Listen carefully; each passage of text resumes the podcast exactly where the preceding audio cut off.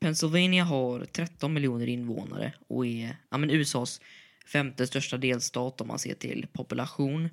Och bortsett från Philadelphia som är stadens största stad finns det en ja, men stabil tvåa. Då på andra sidan delstatsgränsen. Inåt i landet alltså. Gränsande mot West Virginia. Där ligger nämligen den stad som namedroppades av eh, Paul Simon i låten America. Eh, då syftar jag såklart på Kathy i said as we boarded the Greyhound in Pittsburgh. Pittsburgh alltså. alltså. En stad med ja, men ungefär samma invånarantal som Malmö. Men i Pittsburghs allra östligaste gräns ligger en, eller ett medelklassområde känt för sina lugna gator och ja, men definitiva närhet till naturen.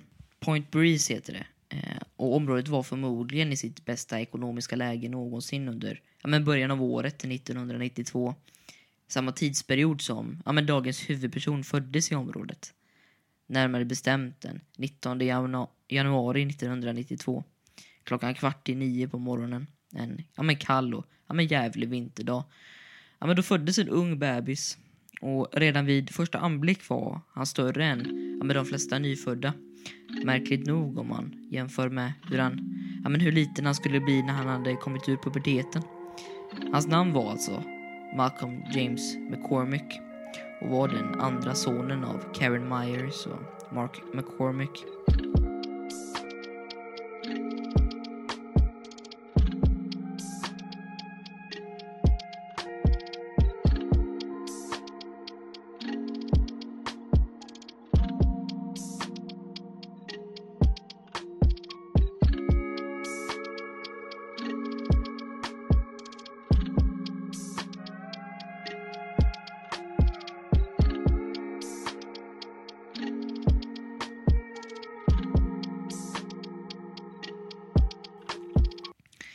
Malcolms föräldrar var till ja, med synes olika varandra. Den ena, ja, Mark, var ja, men akademisk utbildad och var en framgångsrik arkitekt medan ja, men hans mor var en fotograf som tog arbete när jobben kallade helt enkelt.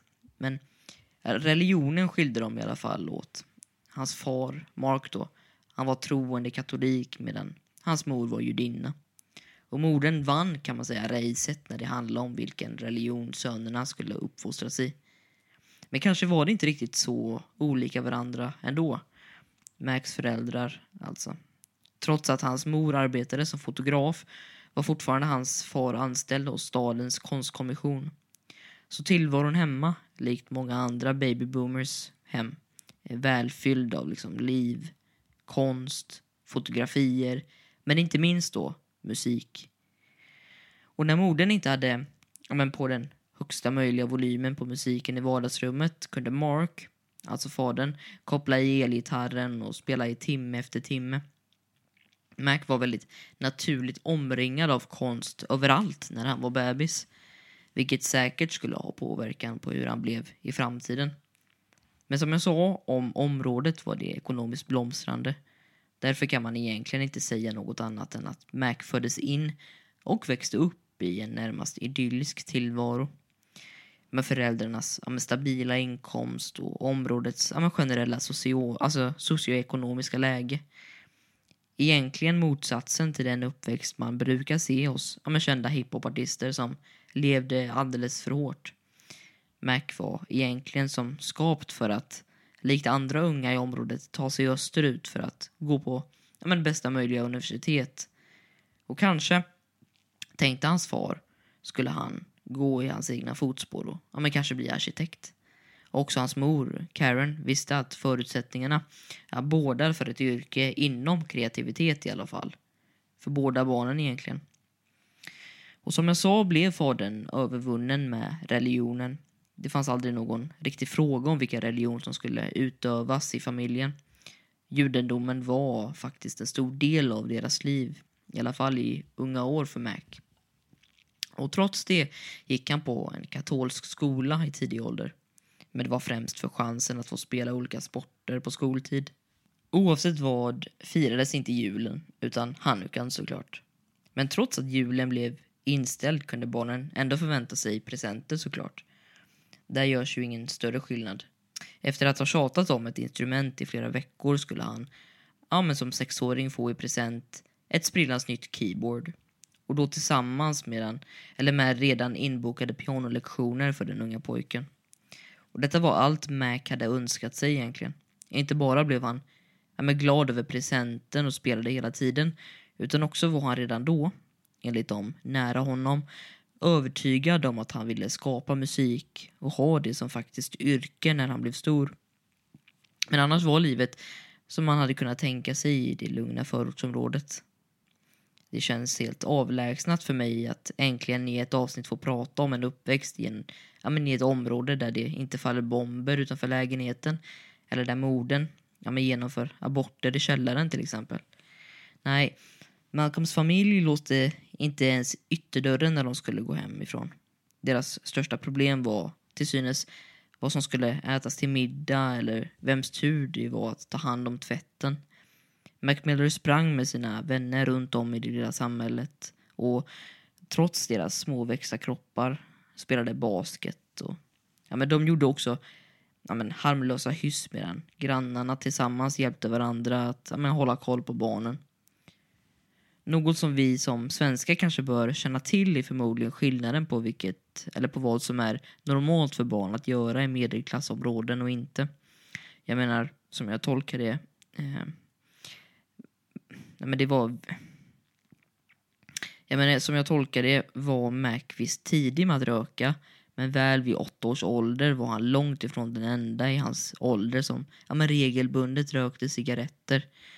Och bara några år efter millennieskiftet var han bara en av många vänner i hans krets som rökte marijuana i källare och garage efter skolan var slut liksom. Och kanske kan det till en början låta lite harmlöst att ett gäng tioåringar tjuvröker en delad joint i garaget på en tisdagskväll för att ja, sedan gå hem och äta middag med familjen.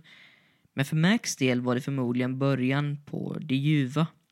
Det som redan 2002 gjorde honom mycket redo för ett liv av missbruk och rökande.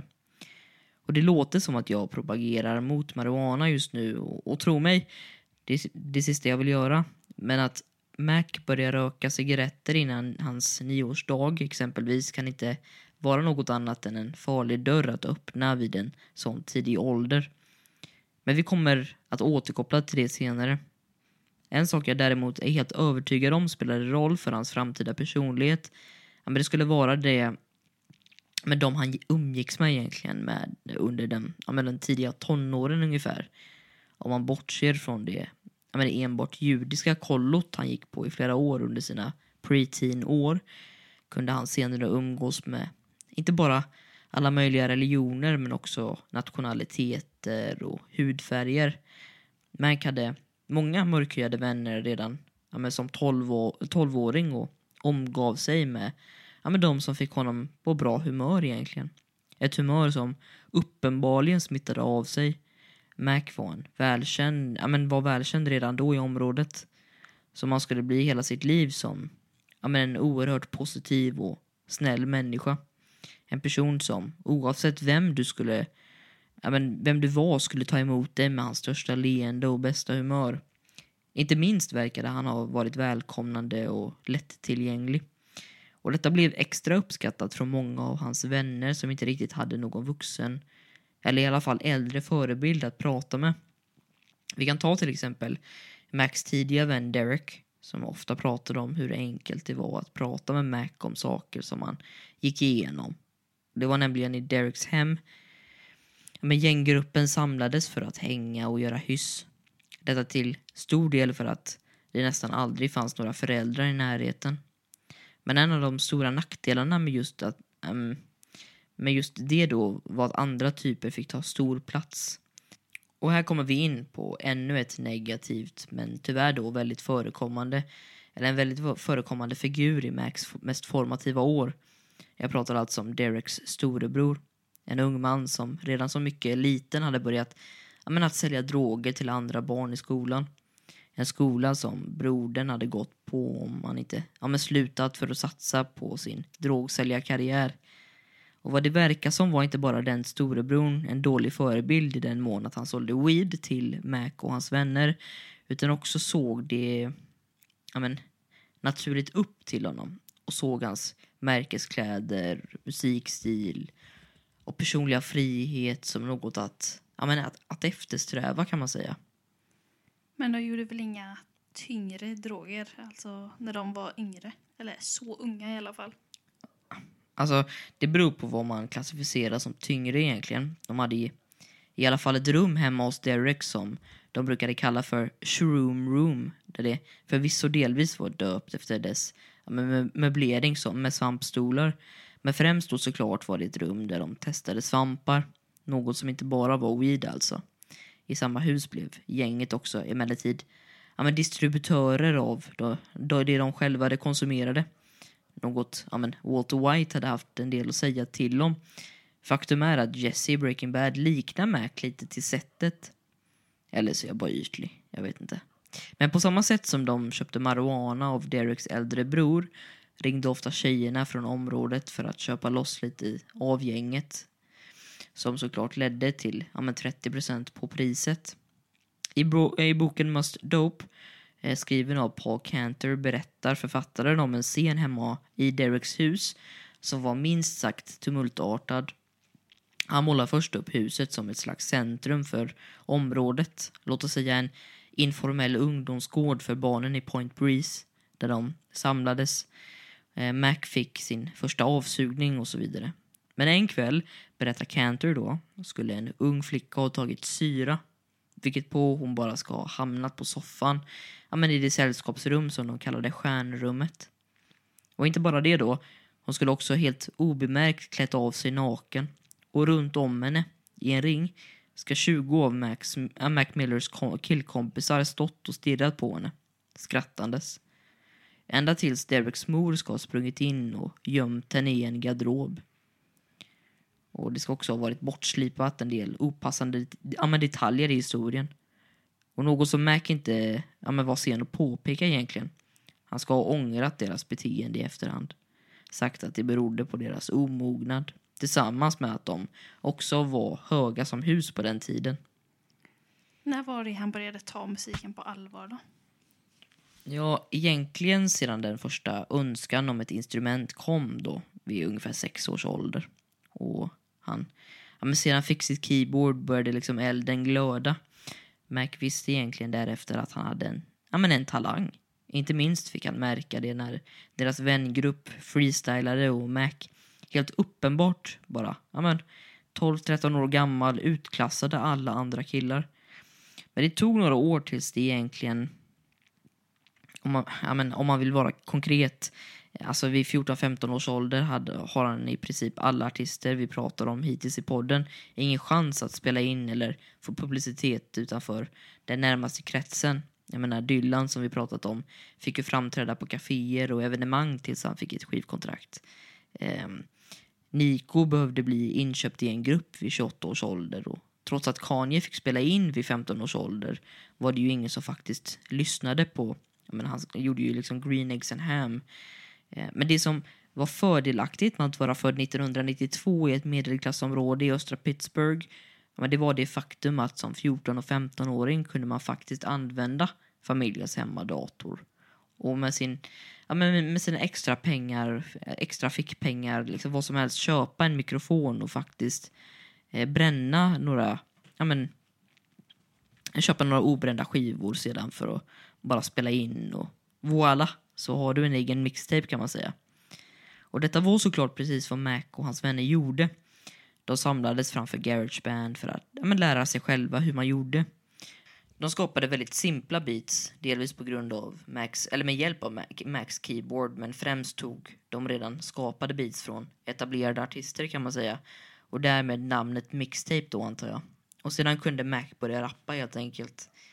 En till sak som är fördelaktig med att Mac Miller var född 1992 är att mixtapen visst eh, alltså, blev lite borttappad några år men sen lades den upp på internet. Det tog till och med någonstans runt coronapandemin för att alla 17 låtar skulle bli uppladdade i sin fulla form.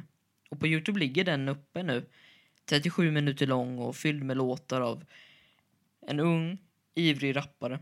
Låtar som Jason My Feet, Bars for Days, Take Me To Paradise, Gotta Make Money.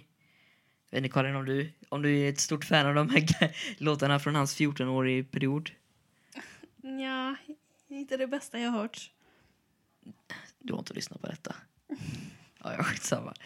Eh, ska, ska inte outa ditt, eh, hur stort fan du är av Mac Miller, men mixtapen döptes i alla fall till eh, But My Macking Ain't, ain't Easy. Men var det redan nu han fick sitt stora break eller var det senare? Man kan absolut inte säga att Mac fick sitt stora break här. Det var inte ens ett break. Eh, nej. Mac fick förmodligen det minsta breaket en artist kan få. Visst, när det väl ja, men var färdigt så drog de upp många kopior.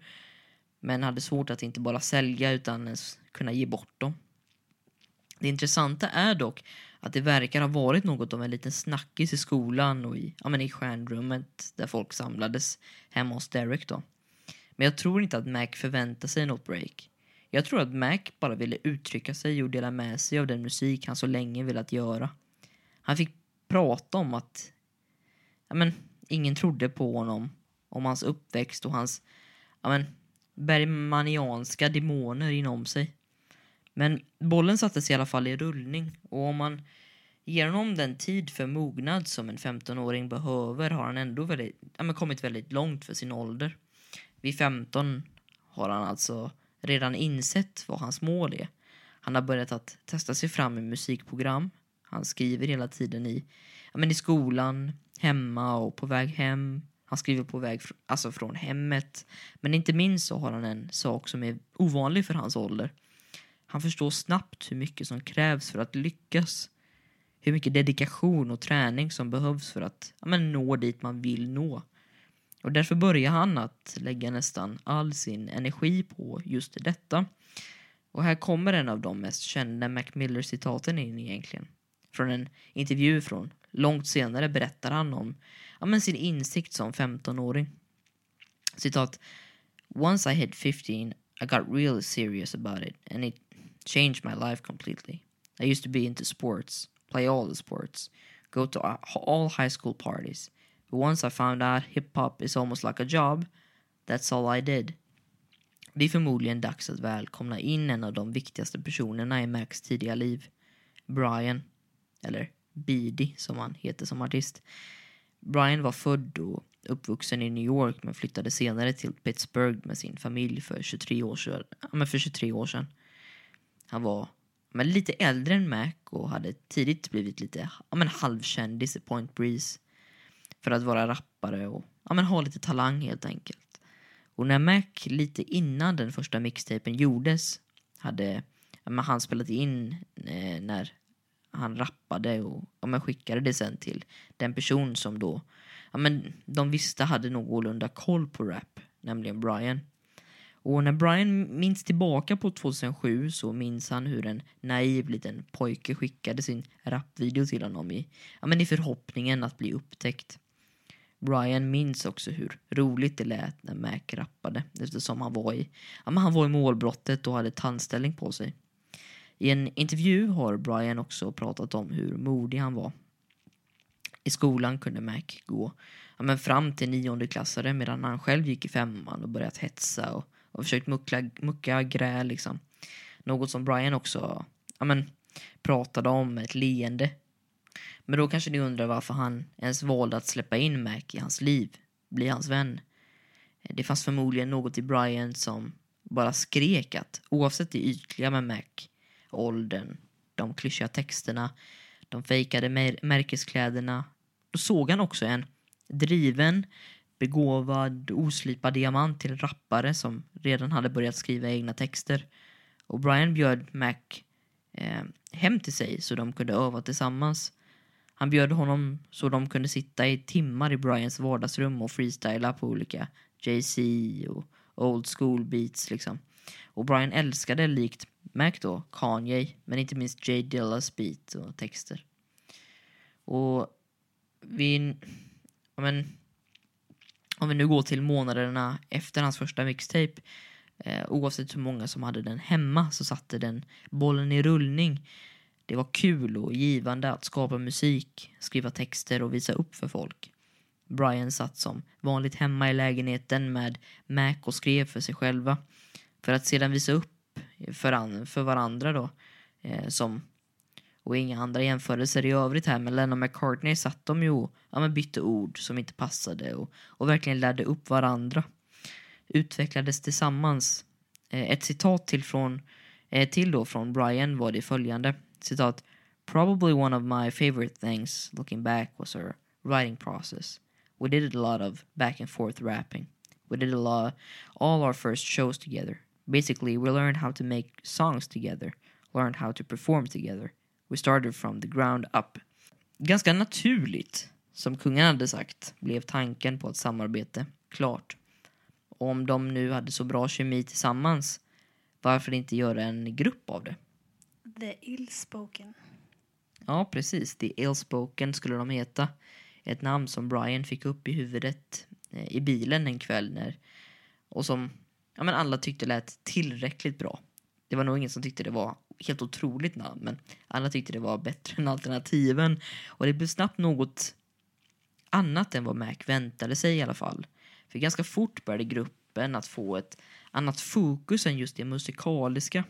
Och det blir ju lätt så ibland, i, i band helt enkelt. Personer som blev involverade började att spendera pengar på annonser. Började bråka om bloggor och ja, men fundera på strategier på att göra dem kända.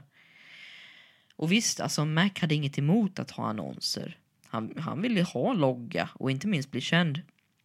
Men hans huvudsakliga syfte behövde att vara musiken, skapandet. Något han och Brian ändå fick lite, till, alltså lite tid till. Eh, och de insåg ganska snabbt hur dyrt det var att spela in professionellt. Så ännu en gång som Lennon McCartney började med de skriva i ett oerhört högt tempo samtidigt som de spelade in och fick ihop säkert över 50 färdiga låtar på kort tid. Produktiviteten var enormt hög och det utvecklade liksom verkligen både Mac men också Brian. Och de levde helt enkelt väldigt ja, men nära varandra. Två bästa vänner. Och strategin för bandet var i alla fall ja, men relativt enkel. Precis innan 2010 fanns inte riktigt Youtube och definitivt inte TikTok som plattformar att slå igenom på.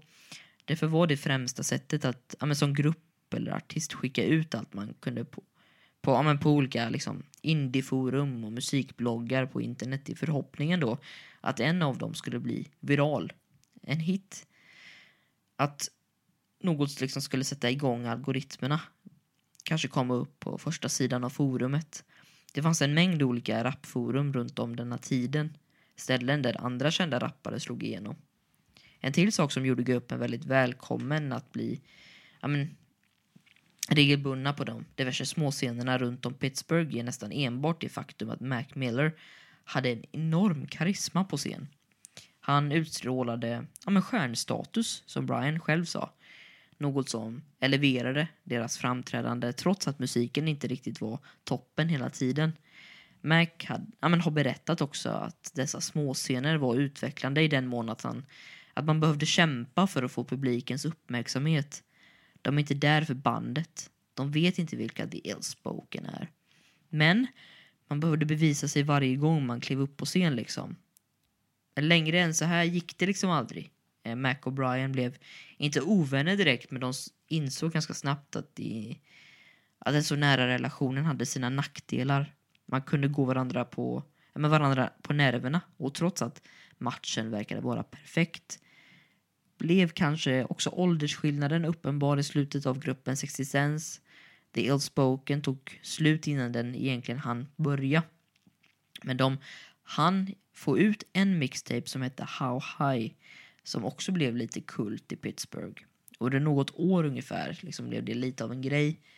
Eh, Brian har berättat om hur han fick gåshud när de la upp den på iTunes och de kunde se några enstaka personer belägna i Kina ladda ner den.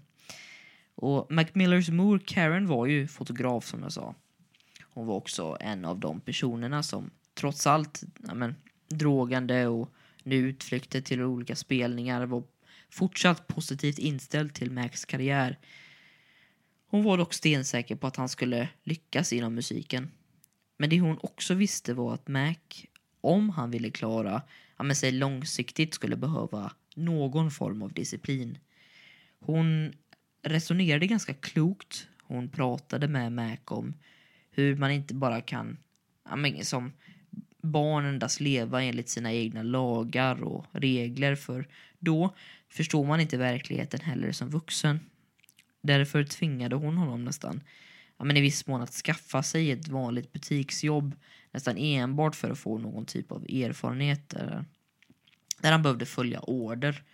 Eh, och hon lyckades till och med få in Mac på en, ja, men en lokal matvarubutik där han skulle få det simpla jobbet med att hantera kassan.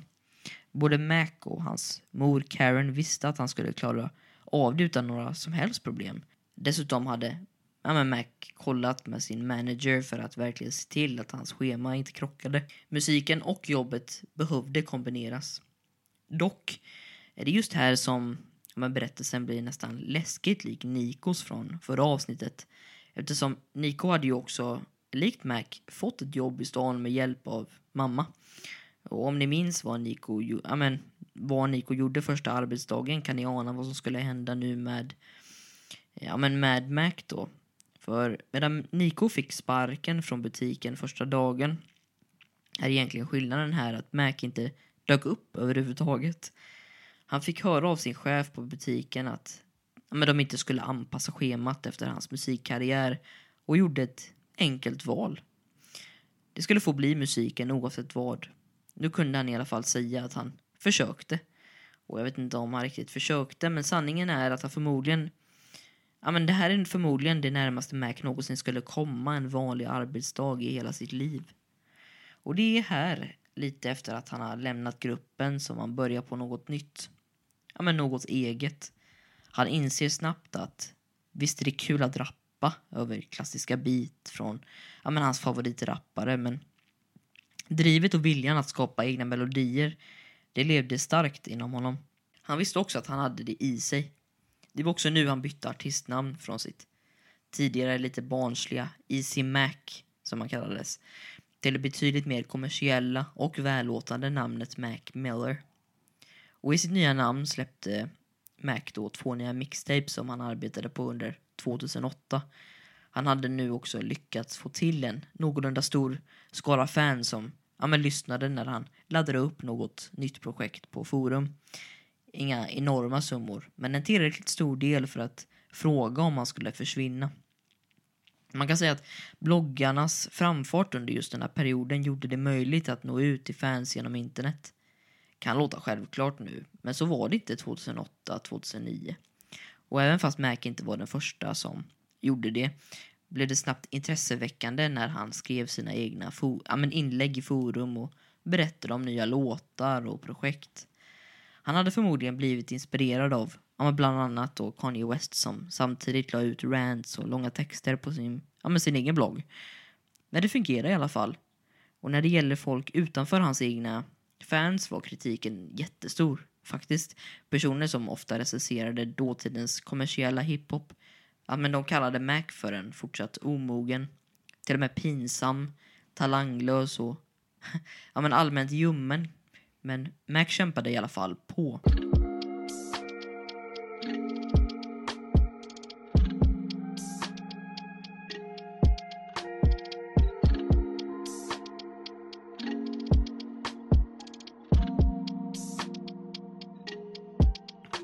Macmillan Miller fick, trots kritiken emellanåt, en del förfrågningar från skivbolag som var intresserade men här var han tillräckligt smart för att vänta tills det kändes helt rätt. Mac hade sett några av hans äldre vänner gå i samma fälla och när han väl behövde välja tog han det ja, med lokala skivbolaget Rustrum Records och Mac fick erbjudandet om ett ja, så kallat 360-avtal vilket hans vänner beskrev som en vanlig Eh, företeelse inom musikindustrin egentligen. Och dessa avtal då, 360-avtalen, de är liksom rotade i Motown, alltså eran. Ehm, och de innebär egentligen att skivbolaget tar en del av alla intäkter från artistens karriär, inklusive då ja, skivförsäljning, merchandise, sponsoravtal och turnéinkomster. Och trots att 360-avtalet ja, tidigare betraktades som ja, ofördelaktigt, alltså för, ofördelaktigt för just artister har det ändå återigen blivit vanligare med framväxten av mindre flexibla oberoende skivbolag. Jag tror jag läste på eh, vad var det, Wikipedia att Panos Panay från Microsoft pekar på att ja, men, 360-avtalen kan begränsa artistens ja, men, kreativa frihet och långsiktiga framgång. Även Mac DeMarco, en självständig musiker, han avråder starkt från att ingå i sådana avtal och betonar vikten av att behålla kontroll över sin musik och sin förmögenhet. Och Mac då, som ställdes inför ett 360-avtal med minimalt förskott, fick insikt om de potentiella konsekvenserna av att då överlåta så mycket kontroll till skivbolaget. Men fördelarna väx, alltså vägde uppenbarligen tyngre i detta fallet. Nu är det året 2010 och han hade redan börjat arbeta på hans första officiella släpp. En idé hade ja, men, satts i rullning i hans huvud efter att han hade varit och sett minst sagt, ja, men kontroversiella filmen Kids på bio. En eh, film som kritiserats för att utnyttja unga sexuellt och egentligen var en ja, men, täckmantel för barnpornografi. Och det är ju inte så kul. Men det fanns något i Mac som väcktes av filmen. Ett koncept. Här kommer den. Första av många riktiga filmreferenser i Max karriär. Han skulle ju sedan men göra en film som funkade perfekt, eller ett album som funkade perfekt med en, en av de bästa filmerna någonsin nästan. Eh, men, ja men, Mac, Mac insåg ganska snabbt att han kunde göra något som inte bara var bundet till ett media, ett specifikt media. Musik och film kunde vara två olika saker men kunde också kombineras. Det var också under denna perioden som Mac gick ut gymnasiet, som man säger i Sverige high school. Och han berättar själv om hur, han, ja, men hur läskigt det var att stå inför ett beslut, eller beslutet om att fortsätta i den, ja, men det goda momentum som han hade haft i musikkarriären. Som började ta form. Men då riskerade att falla pladask. Eller då att följa alla andra ja, men i hans område och gå på universitetet, skaffa vänner och emellertid arbeta på en stabil arbetsplats med barn och husdjur. Men som alla andra. Och Paul Cantor gör en bra poäng i sin bok Must Dope när han säger att förväntningarna på Mac, eh, ja men, Macs generation att gå ut i den riktiga världen helt normala var svårtänkt. Cantor berättar om en generation som växte upp i, ja men på Harry Potter, Lord of the Rings, Outcast, Mean Girls, Paris Hilton, Kim Kardashian, eh, Jersey Shore, Sopranos, Entourage, Curb Your, Enthusiasm, MySpace, Facebook, Twitter, allt som. Alltså inte minst oändligt med internetporr liksom. Och vem kunde förvänta sig att de skulle fungera i den riktiga världen? Men du sa någonting om idén om film och musik. Ja, precis. Eh, ja, tack för att du håller koll, Karin. Alltså, ja, Mac kunde inte släppa den idén och inspirationen som filmen Kids hade gett honom. Men vad betyder det alltså rent konkret? Jo, alltså Max såg filmen och blev så tagen av hur barnen i filmen på något sätt inte verkade spela teater ens. Det verkade mer som en dokumentärfilm än något annat. Något han ville utforska mer kan man säga. Mac ville i sin nya mixtape, som Paul Cantor säger igen, citat Embody the spirit of an everyday kid. It wouldn't project a fantasy. Okay, maybe a little fantasy.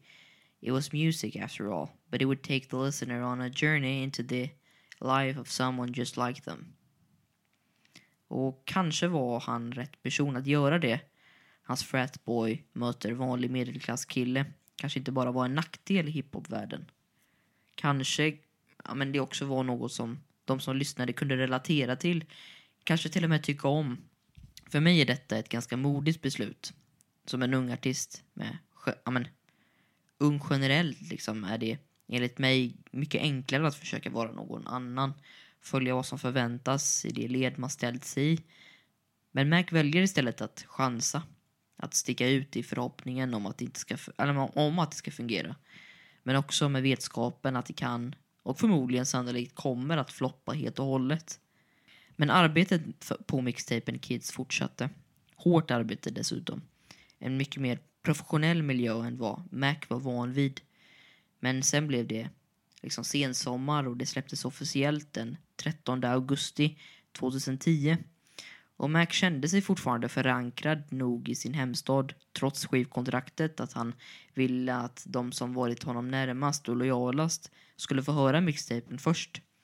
Därför då annonserade han på internet att han skulle vara vid en plats som hette Time Bomb och dela ut kopior med motivationen att det i framtiden skulle bli ett samlarobjekt. Vilket han inte hade helt fel i heller. Och reaktionerna blev direkt positiva. Både från de som väntat länge på mixtapen men också såklart alla som hörde Max röst för första gången. Det var helt enkelt en bra balans. Ett album som visst var lite omoget och väldigt fratboy-aktigt trots sin era. Men hitsen på mixtapen skulle förbli några av de mest spelade låtarna fortfarande idag. Hittade en tråd på Reddit som en användare som heter Golden Sometimes från Pittsburgh som beskrev hur stor, ja, men hur stor det verkligen blev direkt. Eh, citat. Growing up in Pittsburgh this was literally played everywhere. From August 2010 till graduation, college parties and still gets bumped today. Not just here but globally. So crazy to think the rhymes he spit that we used to recite in class are now just a part of an incredible discography from a truly legendary rapper. Always made our city proud. Och en sak som också var intressant att mixtapen direkt fick ja, personer att se filmen Kids. Så hans mål liksom att göra de två verken till ett fungerande, ja, men, till ett fungerade i viss utsträckning i alla fall. Det blev en enorm hit i stan, inte minst, men spred sig efter ett tag utanför stadsgränserna. Något som till och med skivbolaget blev helt överraskade av var det faktum att Max karriär inte tog fler ja, men, inte tog flera album att sätta igång. Det verkade som att Mac, till skillnad från majoriteten av alla andra artister, blev något av en sensation direkt när det släpptes. Alltså kritiken kom såklart från olika håll. Detta kommer ju men aldrig, aldrig vara ett album för de, men den stora massan. Inte heller personer i åldrarna 25 till 125. Med låtar som exempelvis Senior Skip Day är en av några av som verkligen inte handlar om något annat än att skolka och ha kul som tonåring i gymnasiet. Men det fanns också seriösa sidor på albumet. Papi exempelvis. Och denna låten, ja men då reflekterar ju ändå Mac över förlusten av sina nära och kära. Speciellt hans farfar som han hade ett starkt band med. Och texten öppnar ju med en hälsning till döden egentligen. Och Mac uttrycker sorgen över att förlora vänner och önskan att de kunde vara kvar. Han reflekterar över hur orättvist det känns att förlora människor man älskar. Raderna Hello death, it seems that we met again. Och eh, jag tror den går så här. Holding my breath, wishing it, I had one more day. Det är liksom exempel på det. Och i boken Must Dope igen skriver Cantor följande. In the studio working on Poppy, he fought back tears while recording his vocals. Nobody at ID Labs had ever seen him in this way. Malcolm always had the was always the happy kid, smiling and cracking jokes. Everyone just kind of stopped for a second like, damn, this is some real shit. Uh, och för faktum var att Mac gjorde, gjorde, alltså gick in och spelade in den här låten endast 24 timmar efter att hans farfar gått bort.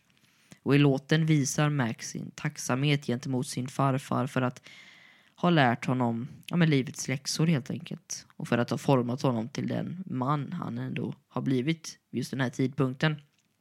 För raden But I'm feeling so alone trying to cope with your death.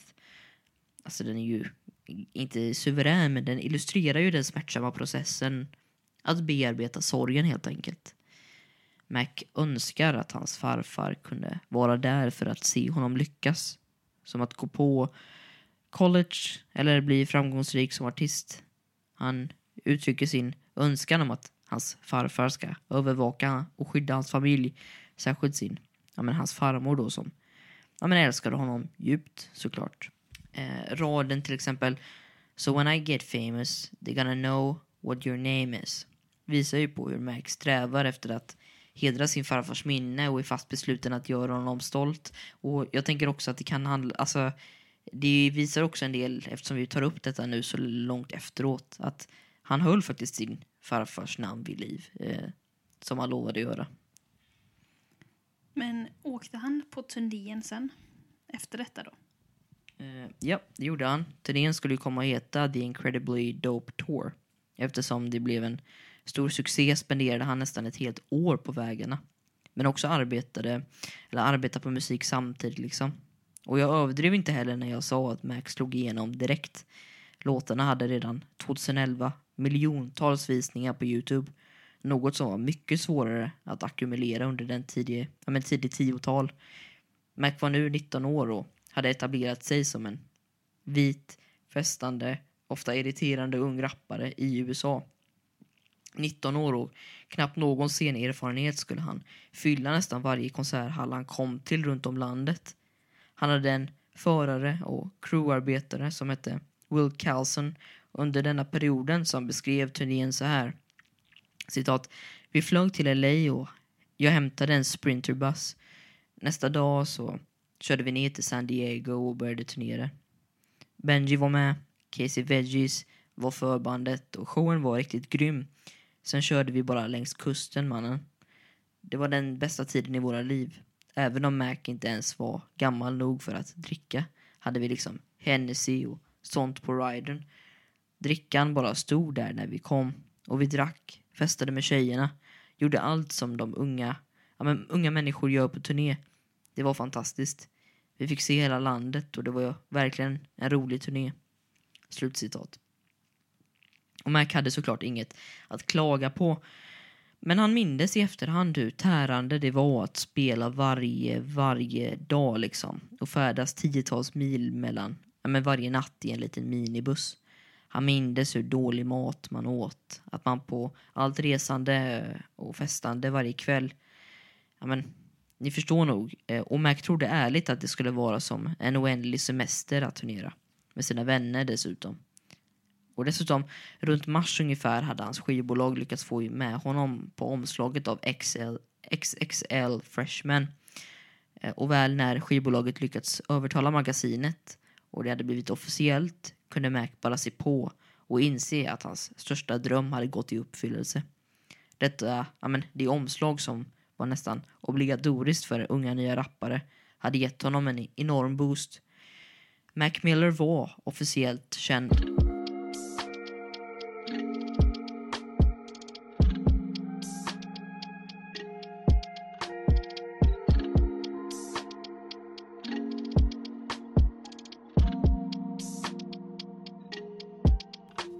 2011 var Donald Trump något helt annat än vad han är idag. En mer älskad men fortfarande karismatisk fastighetsjätte, miljardär och realitystjärna i USA. Mest känd kanske för sin catchphrase “You're fired” under de tidiga, eller det tidiga tiotalet liknade också Trump rappare i den mån att han var rik, men till skillnad från andra i hans bransch väldigt öppen med det och till och med ja, men skrytsam. Och detta ledde egentligen till att många rappare inom hiphop-världen var förtjusta i honom. De ja, men, skrev med honom i låtrader eller hade honom på skivomslag. Men Donald Trump skulle spela en väldigt stor roll för just Mac Miller och hans karriär. För låten han gjorde då eh, under turnén 2011 som hette Donald Trump skulle visa sig bli hans första låt på Billboard Hot 100-listan då i USA. Och Greg Fleming som tog hand om massa fansidor för Mac sa detta i början av 2011 då. Citat. I can't even tell you how incredible the impact was of that song. You couldn't go anywhere, bars, parties, without hearing that song. DJs would have to play it every hour at the bars where we were in college. It was nuts. People would just go crazy whenever Donald Trump came on. Och samma var det på Macs konserter. För när låtarna var från ja, men Kids var slut brukade han avsluta med Donald Trump. Och hela publiken ska ha löpt amok. Det gick till och med så långt att låten att, eller med låten att Trump själv kommenterade den till slut då. Han påstod då att Mac Millers citat kommer bli det nya Eminem. Slutcitat. Och låten hade efter Trumps uttalanden lyckats komma upp i typ 20 miljoner streams, vilket var enorma summor 2011. Det får ju alltså mitt, mina avsnitt på en timme. Men det går inte att jämföra nu. Eh, men med all uppmärksamhet i alla fall och hårt turnerande kom såklart också drogerna. Eh, något som, alltså där tyckte jag att jag var väldigt rolig. Förlåt, jag måste koncentrera mig när jag pratar. Alltså. Något som verkar vara likadant i alla fall eh, i, i alla artisters liv. Personer runt omkring Mac började först med att ganska öppet ta piller och diverse droger för att klara schemat. Men också koppla av när, ja, men när man väl hade stämplat ut.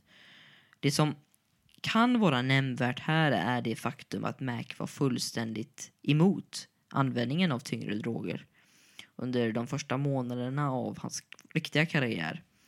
Visst, han, hade, han drack mycket och rökte en del joints men valde medvetet att avlägsna sig från de hårdare sakerna.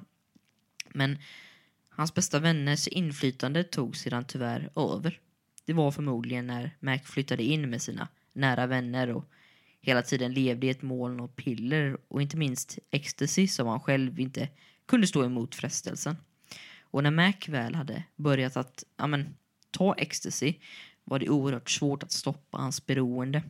Det är runt om denna perioden som Mac också tyvärr kommer i kontakt med Purple Drank, eller Syrup, som det även kallas. Alltså drogblandningen som ja, men hade blivit oerhört populär i inte minst hiphopkretsar i USA och inte minst Houston.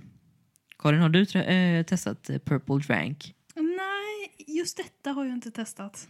Ja, jag har själv inte heller gjort det faktiskt. Men när Mac fick höra om drogen blev han oerhört nyfiken. Han hade efter ett år av att ha gått från noll till spelningar dagligen hade börjat liksom undra hur han ens var vid liv. Eh, det skulle finnas något speciellt i upplevelsen man fick av just denna drog också, hörde han. Någon slags ja, men, lila hostmedicin blandat som en grogg med söt dryck som saft eller läsk för att sedan intas drickandes då. Så Mac blev hooked eh, och det ska vara den första av många droger som verkligen tog honom fången. Men också höll honom alert under det hårda schemat 2011 och 2012. Men det här var en av de värsta sakerna han gjorde för han kunde inte sluta dricka syrup. Eh, och sedan följde då nästa stora släpp eh, för Mac Millers första riktiga studioalbum som skulle döpas efter en plats nära hans barndomshem. Ett album som ja, men till stor del skulle få spelas in på hotellrum och inte minst bussar på motorvägar. Och själva soundet hade inte förändrats något vidare från tidigare. Mac valde att fortsätta med att mätta hans unga och liksinnade publik. Eh, Blue Slide Park skulle inte tas emot kanske på det sätt som Mac hade hoppats. Först var det problemet bara en vecka innan albumet skulle komma ut. Någon hade liksom läckt skiten på internet och sedan när det väl släpptes tog det emot mestadels negativt. Speciellt blev det sågat som just hiphop-album. Men kritiken fortsatte. En av de kändaste recensionerna som albumet fick var på Pitchfork som inte bara sågade men klädde av Mac Miller för att sedan köra över honom på en öppen gata. De valde att ge den en etta i betyg av tio och skrev citat Millers värld är en hermetisk sådan och om den inte är en du befinner dig i har albumet ingen attraktion. Slutcitat. Eh, och de skrev också Jo, de skrev citat Han är mestadels bara en oerhört blek men ointoler, toler, ointolererbar version av Wiz Khalifa. Slutcitat. Eh, och en av de elakaste men roligaste recensionerna var också Philip eh, Mlynars i Spin där han skrev att Mac Millers Blue Slide Park suggests what would happen if the cast of Glee tried to make a rap album. Jag tyckte det var så roligt. Ouch. Ja, jag vet. Det, det var riktigt hårt. I och för sig så hade jag gärna velat höra det. Det hade nog låtit ganska likt. Och detta blev hans första riktiga motgång i karriären och det tog honom väldigt hårt. Aldrig hade han blivit så sågad av så många olika journalister och kritiker. Han gick helt enkelt in i en depression snabbt efter släppet. Och kom ihåg, albumet var inget fiasko. Jag tror det sålde så 150 000 kopior första veckan tror jag. En intressant poäng som youtubern Voxgeist gör om kritiken mot albumet är den negativa kritik förmodligen inte... Ja men den negativa kritiken pratar han då om förmodligen inte handlar om Max album bara. Det fanns en redan etablerad kritik och irritation på hans typ av genre. alltså frat rap och att Mac fick liksom då ta mest kritik eftersom han, han helt enkelt hade det mest framgångsrika albumet i genren. Eh, jag vet inte om, om det är uppen, tydligt vad jag vill få fram här men Mac Miller drog sig tillbaka en del i alla fall. Han satt hemma och med vänner med sin mugg fylld av syrup då, som var. Och han var generellt nedstämd. Personer runt omkring honom blev också förvånade över hur ledsen han faktiskt hade kommit att bli. De vittnar om att det var omöjligt att få ögonkontakt med honom till exempel. Och att man fick knacka på flera gånger för att ens att han skulle öppna dörren på glänt hemma. Det som däremot var positivt var att det inte verkade påverka hans producerande märkbart. Nästan tvärtom motiverade recensionerna och depressionen honom att skapa något nytt, något bättre. Men ny vision satte han igång arbetet på det projekt som skulle heta Macadelic. Nu hade han också kommit upp rent hierarkimässigt så han hade möjlighet att ha i princip vilka features han ville. Vilket bara skulle öka albumets kvalitet såklart. You know, I'm I'm 16, 17, 18. All my music is just about dreams and and goals and like and like and and that's what it's about is is about what I want to do and, and, dreams to, to be a big artist, right? And um, you know, best day ever comes out, right? And that's about you know how excited I am, you know, because I'm just like holy shit, like I'm making music and I'm making money and I'm touring and like this is crazy. Like that's all it is to me, you know. And I made Blue Slide Park because I'm I miss home because I'm gone. I'm not used to this, right? But then like Macadelic was more of like, you know, like that's that's over. Like you know what I'm saying? Like I'm used to everything now. Like I've I've been touring for like fucking what two years now. You know, like I've I've I've been doing this shit for like not a long time, but for a little bit. So like I, I got a chance to step back and like assess the situation and like really like, you know, um, deep dive within myself to like think about what I wanted to say. You know, that's what I've really, you know, have been focusing on is like what do I want to say with my music. You know, like. Grejen med detta, med detta projektet var att det inte riktigt var ett album utan en mixtape. Han gjorde liksom inom loppet av några månader för att på ett snabbt sätt eller snabbt och smärtfritt sätt egentligen, vinna tillbaka publiken. Men också utveckla sitt sound. För utveckla sitt sound gjorde han verkligen. Skillnaden mellan förra albumet och Macadelic var faktiskt att han experimenterade mer. Han försökte göra något mer unikt. Hans egna, lite mer röriga, men fortfarande intressanta låtar en av sakerna som gjorde låtarna lite röriga var att de var fyllda av drogreferenser och psykedelisk moment liksom. Eller psykedeliska moment. Han pratar både om droger men försöker också förmedla känslor. Känslorna som droger medför kan man säga. Blev detta hans stora revansch? Eller revenge? Ja, man kan säga att detta var så pass annorlunda att det splittrade hans fans. Inte bara gjorde det att antal sålda exemplar minskade utan också att arenaturnén han hade planerat efter mixtapen inte sålde så bra som förväntat. Något hade skadats efter kritiken av hans första album. Både skadat honom själv men uppenbarligen satt fäste hos fansen. Under den misslyckade turnén började också saker gå åt helvete för Mac personligen. Han blev mer och mer frustrerad när publiken inte var lika stor som förut. Eller i alla fall förväntat. Och reaktionerna på hans nya låtar var inte särskilt enade och, eh, och eller överväldigade. Dessutom, eftersom det var en college-turné så var det inte tillåtet att konsumera alkohol backstage, vilket Mac hade gjort en, ja, men till en vana i vanliga fall. Men det betyder inte att han var nykter. För varje kväll på turnén gick han tillbaka till sin turnébuss och drack mängder av um, purple, eller syrup, vad man nu vill kalla det. Dessutom tog han mycket fler och olika droger, exempelvis ecstasy, kokain, weed såklart. skivbolaget ville verkligen göra flertalet interventions med både familj och vänner men ja, de gick inte med på det helt enkelt. Man tänkte först ta honom ur turnerandet men funderade också sen på att ha kvar honom på turné men att anställa en live coach som skulle se till att han skötte sig Dessutom, mitt i hans personliga misär, började stämningsansökningarna komma in från olika håll eftersom Mac inte hade clearat vissa samples för hans diverse mixtapes då. Och allt kom alltså på samma gång. Var det inte en stämning från Trump också? Jo, nästan. Eh, nu hade det gått ett ganska långt tag sedan Macs låt om Donald Trump kom ut och blev en enorm hit. Och Mac ångrade ganska snabbt att han inte skrivit låten om någon annan rik person. Som typ Bill Gates, för det hade funkat ungefär lika bra. För nu, eh, när det hade blivit dags för val i USA, hade ju ja, men Trump börjat bli en annan person i det publika medvetandet. Han börjar ju, inte minst, twittra. Han kritiserar ju allt från invandringspolitiken, men inte minst ifrågasätter han ju 2012 Obama och vart han är född och vad han har gjort med landet och så vidare. Och bara detta var jobbigt eftersom Mac avskydde att Trump höll, ja, men allt som Trump höll på med. Men det skulle inte vara det värsta. För att magasinet Complex skulle marknadsföra en intervju de hade gjort med Mac och hade som policy att när en artist eller känd person nämns i en artikel på ett negativt sätt då skulle de aldrig tagga dem på sociala medier. För det skapade bara en dålig stämning och förstörde relationer.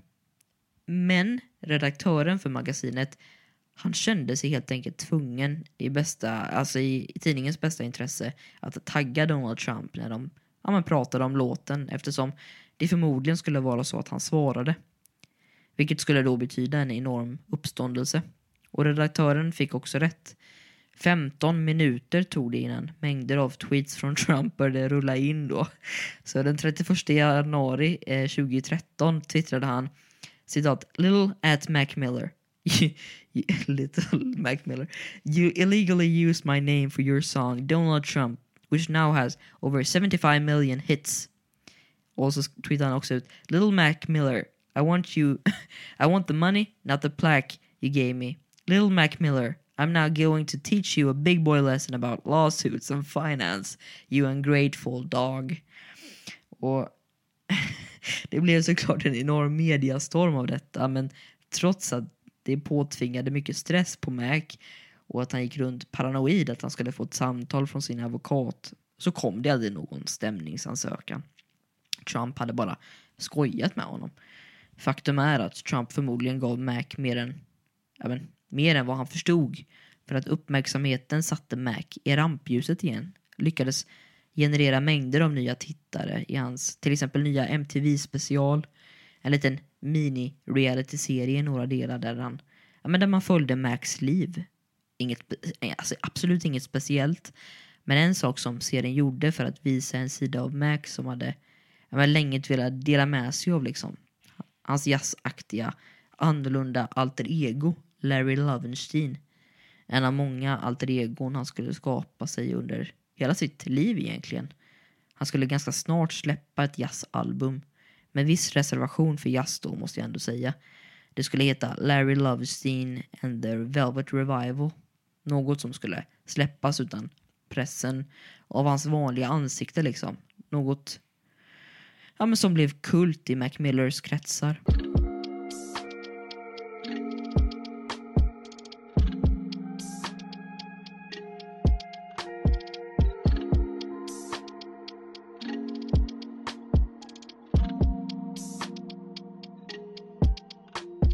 Vi har hållit på mycket med eror och delar i artisters liv genom att men genom alla avsnitt egentligen.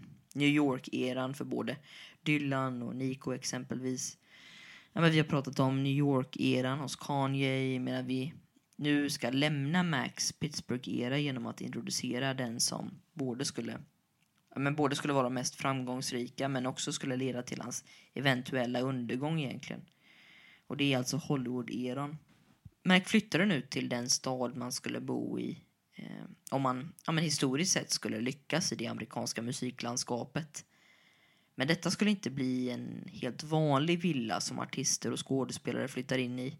Inget gated community där du behövde gå igenom tre, fyra spärrar innan du fick äntra det lugna området.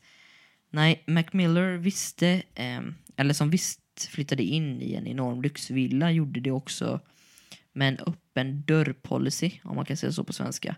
Som man brukar säga liksom på engelska, open door policy. Han skulle i detta hus vara en av ja, men, faktorerna till unga rappares framgång egentligen. Detta då genom att välkomna alla, eh, alla tider på dygnet. Inte bara kunde de sitta och snacka utan också ta ja, men från hans drogförråd till exempel. Man kunde gå dit och, och dricka om man inte var tillräckligt gammal för att klubba. Och inte minst en av anledningarna till att Kendrick Lamar, Tyler the Creator, Odd Future generellt och ja, men många fler var så tacksamma var att man fick använda den studio han hade byggt när, när man ville egentligen. Studiotider som annars var så dyra såklart. Och han döpte då studion till Fristaden och valde, ja, man följde också namnet i beteendet. Inte bara var det rödmålade väggarna i studion fyllda med ljudisolering men också monitorer som visade olika filmer. Allt för att inspirera och ja, främja kreativitet. En annan person som befann sig i en studio i Hollywood under denna perioden hette Ariana Grande. Och det börjar närma sig deras första interaktion. Eh, ett förhållande som skulle spela stor roll i den senare delen av Mac Millers liv. Ariana Grande som nu är en av de mest framgångsrika artisterna i världen med ja, miljarder spelningar på Spotify och Karin hon släpper väl nytt album nu om några veckor bara. Um, vet, vet, du det? Stämmer, jag tror det är, ehm, det, om jag inte har fel så är det väl på fredag. Ja men så pass då är det ju väldigt snart. Och hon var ju redan 2012 en stor stjärna inom en barn-tv kan man säga. Hon var ju en av de populäraste personerna i ensemblen på Victorious där hon spelade en en ung tjej med någon form av utvecklingsstörning som också hette Cat då. Jag tror jag får säga så, för jag tror att hon var utvecklingsstörd. Jag tror bara hon var lycklig och lite quirky. Nej men jag, jag tror hon betedde ju sig tämligen märkligt i alla fall. Hon hade varit med i musikaler i hela sitt liv och var på gång att få uppfylla sin dröm om att bli världsartist. Hennes debutalbum spelades in under samma period som Mac Miller köpte huset i Hollywood Hills och spelade in i studion då och deras första interaktion var den 22 november 2012. Eh, och Karin, ännu en gång, vad är så speciellt med det här datumet? Nej, du, jag, jag har ingen aning. Jo, Karin, det var nämligen 49-årsdagen för John F Kennedy-mordet. Och nu, Karin, nu har vi fått in Kennedy i detta avsnittet med. Ah, så pass, så pass. Ja, det var väldigt bra. Nej, jag tycker du kan berätta om interaktionen bara. Okej. Okay. Eh, det var så att Ariana Grande delade, eller twittrade ut på ett klassiskt 2012-manér. Hon skrev “Watching the parade from the couch all warm and cozy in our apartment. What are you thankful for at the moment?” Och paraden är alltså Thanksgiving-traditionen i New York. Och då svarar alltså Mac Miller ganska snabbt citat “The Velvet Revival”, slutcitat. Alltså hans alter egos påhittade jazzband. Och ganska snabbt kom svaret från Ariana där hon skrev citat I'm excited to listen to it. Happy Thanksgiving. och sen ett hjärta då. Det var väldigt så, alltså jag hade velat leva i 2012. Det verkar så oerhört smärtfritt. Man känner ju deras connection redan här. Men det är ju inget märkvärdigt egentligen tills Max svarar igen. Han börjar nämligen med att hälsa tillbaka. Men säger också att hennes homie Larry Lovestein wants to do a duet. På vilket Ariana säger ja, och de fortsätter då i DM. Och här påbörjades i alla fall en vänskap där de blev ganska nära. Eh, gick på varandras event och hängde tillsammans och ganska fort därefter kom också första låten tillsammans. En jullåt, Baby It's Cold Outside. Men den låten som skulle ha mest betydelse är Arianas första singel någonsin. The Way. Och här skulle ja, men Mac få en av eh, ja, men få en och en halv vers ungefär. Vilket skulle ha stor betydelse för bådas karriär egentligen. Och nu kommer jag också ge er för den första och förmodligen sista gången en liten tabloids-tonårsskvaller, om man vill säga det så. Det var nämligen så att musikvideon till The Way så föreslog regissören att de skulle kyssa varandra. Vilket båda inte hade några problem att göra egentligen. Eh, och de gjorde det, tänkte inte mer på det. Men när videon kom ut blev det tämligen stora rubriker om kyssen. Något som ingen förväntade sig egentligen. Eh, främst kritik, eller den främsta kritiken mot Ariana var att hon var i ett förhållande. Men just den, vid denna perioden, av en mystisk anledning då, då gjorde de slut med varandra. Och dessutom frågades Ariana om vilket betyg hon hade gett Mac Millers utseendemässigt. Eh, nej, hon betygsatte Macmillers kyss bara tror jag. Vilket på hon då ska ha svarat 1 av 10 på grund av cigaretterna. Men sorry att jag tog upp detta. Jag ska aldrig ta upp detta, den här sorts skvaller igen. Nästa album hette i alla fall Watching Movies with the Sound Off. Eh, sorry, alltså jag tänker bara på alltså, folk som kommit hit från Sinatra-avsnitten tänker åh vilken härlig podcast. Och så hör de detta och så kommer de aldrig tillbaka. Men jag ska inte skrämma bort någon. Men nästa album hette i alla fall Watching the Movies with the Sound Off. Ett album av tre stora som kom ut på samma dag. Och då syftar jag såklart på den 18 juni 2013. Och jag tänker inte att någon har memoriserat detta. Men jag ska bara påminna att både Jesus och Born Sinner kom ut den här dagen och då Mac Millers album. Eh, och båda de förstnämnda albumen kom ju, sålde ju såklart bättre än Macs. Men trots det var Mac positivt inställd på den stabila tredjeplatsen. Han visste att det inte skulle tyckas om av alla och han brydde sig inte heller om just det. Jag menar, ändlösa kvällar och nätter lades på albumet och det finns ett jättekänt citat om Macs hemmastudio från Dash under denna perioden han sa liksom You could be in there for 72 hours and think it's the same day. Detta talade också för arbetsmoralen hos inte bara Mac men alla hans arbets eller men kollaboratörer egentligen om man vill använda ett bättre ord. En massa andra var med och hjälp, ja, men hjälpte till. Uh, The Flying Lotus, Alchemist, Earl Sweatshirt, Pharrell och ja, men inte minst då Pharrell egentligen som producerade låten Objects in the Mirror som är en av de absolut bästa låtarna i mitt tycke. En av sakerna som gör produktionsnivån högre är inte bara det faktum att Pharrell producerar, även fast det gjorde skillnad då. Det som var viktigast var egentligen att Mac la mycket mer tid på låtarna. Till skillnad från förut så stressade han inte fram det på samma sätt. Något som märks i slutändan. En sak som låg som ett molntäcke över Mac under denna tid var pressen från skivbolaget Rostrum och hans ja, men närmaste vänner och kollegor. Många tyckte att trots att musiken var bra så hade han på kort tid gått långt ifrån det snabba, höga tempot av Kids-albumet. Eh, han alienerade en stor publik sades det. Något som Mac visste men inte höll med om.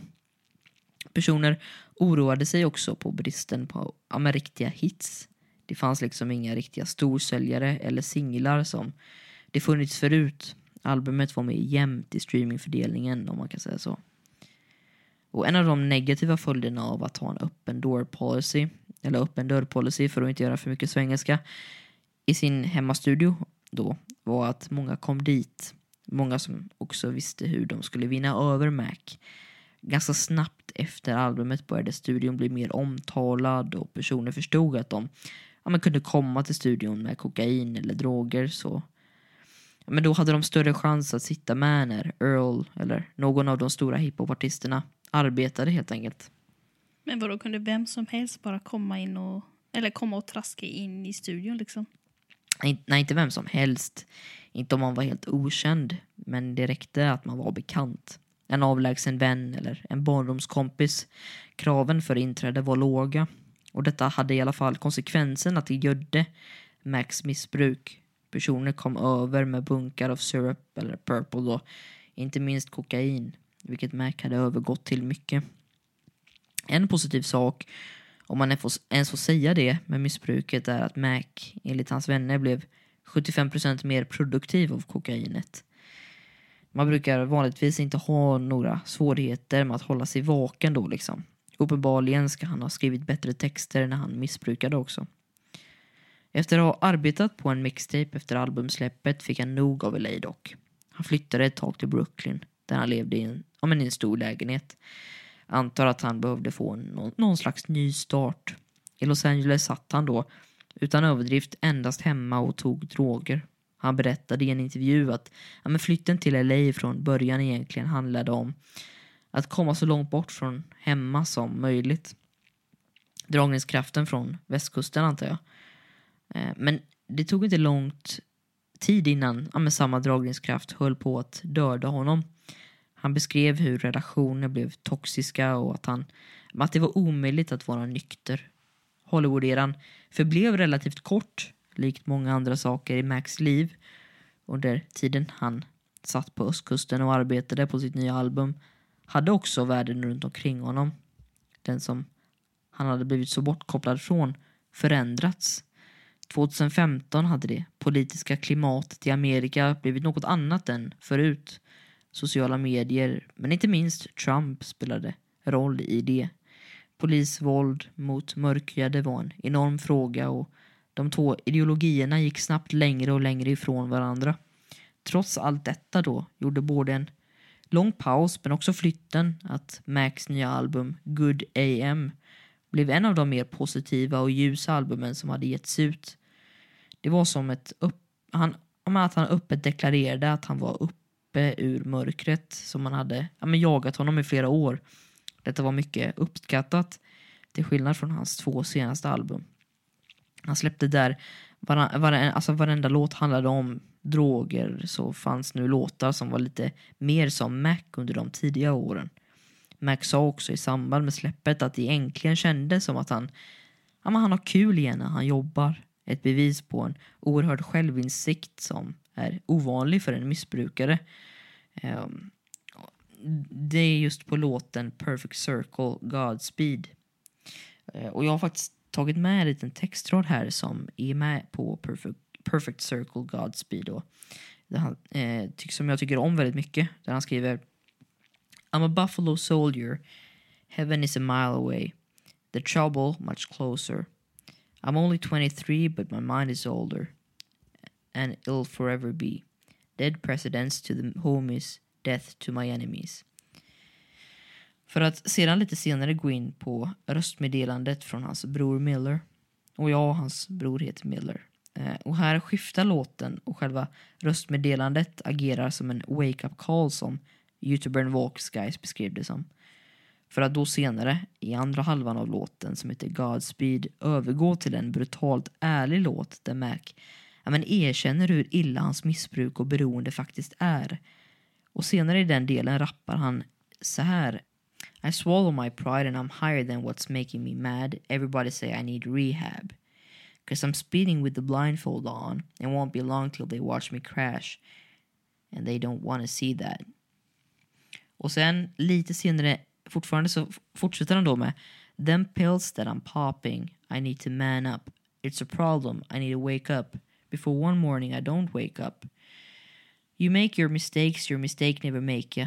I'm too obsessed with what's going on as a great one. And if I want, if you wait too long, they go find someone to replace you. Och som sagt, det är, alltså det är brutalt ärligt. Och en annan låt som förmodligen är mest populär på albumet är Weekend. Otrolig låt, men utanför det så finns inga absolut minnesvärda låtar. Albumet blev hyllat för sina produktion, eller med sin produktion och jämna låtkvalitet.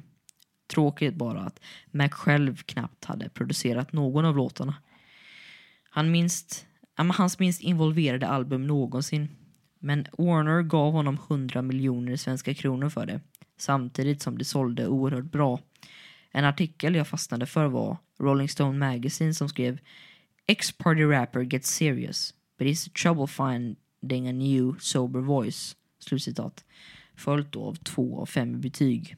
Artikeln avslutas också med Good AM is a 70 minute studio album that would have been better served as two mixtape diary entries until the sober Mac Miller discovered a smarter way to channel his newfound enthusiasm.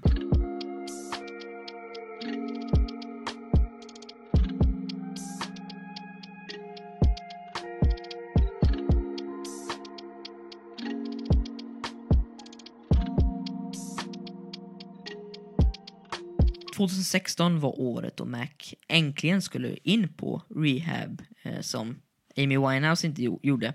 Eh, han såg ingen annan utväg och blev slutligen övertalad att åka in då.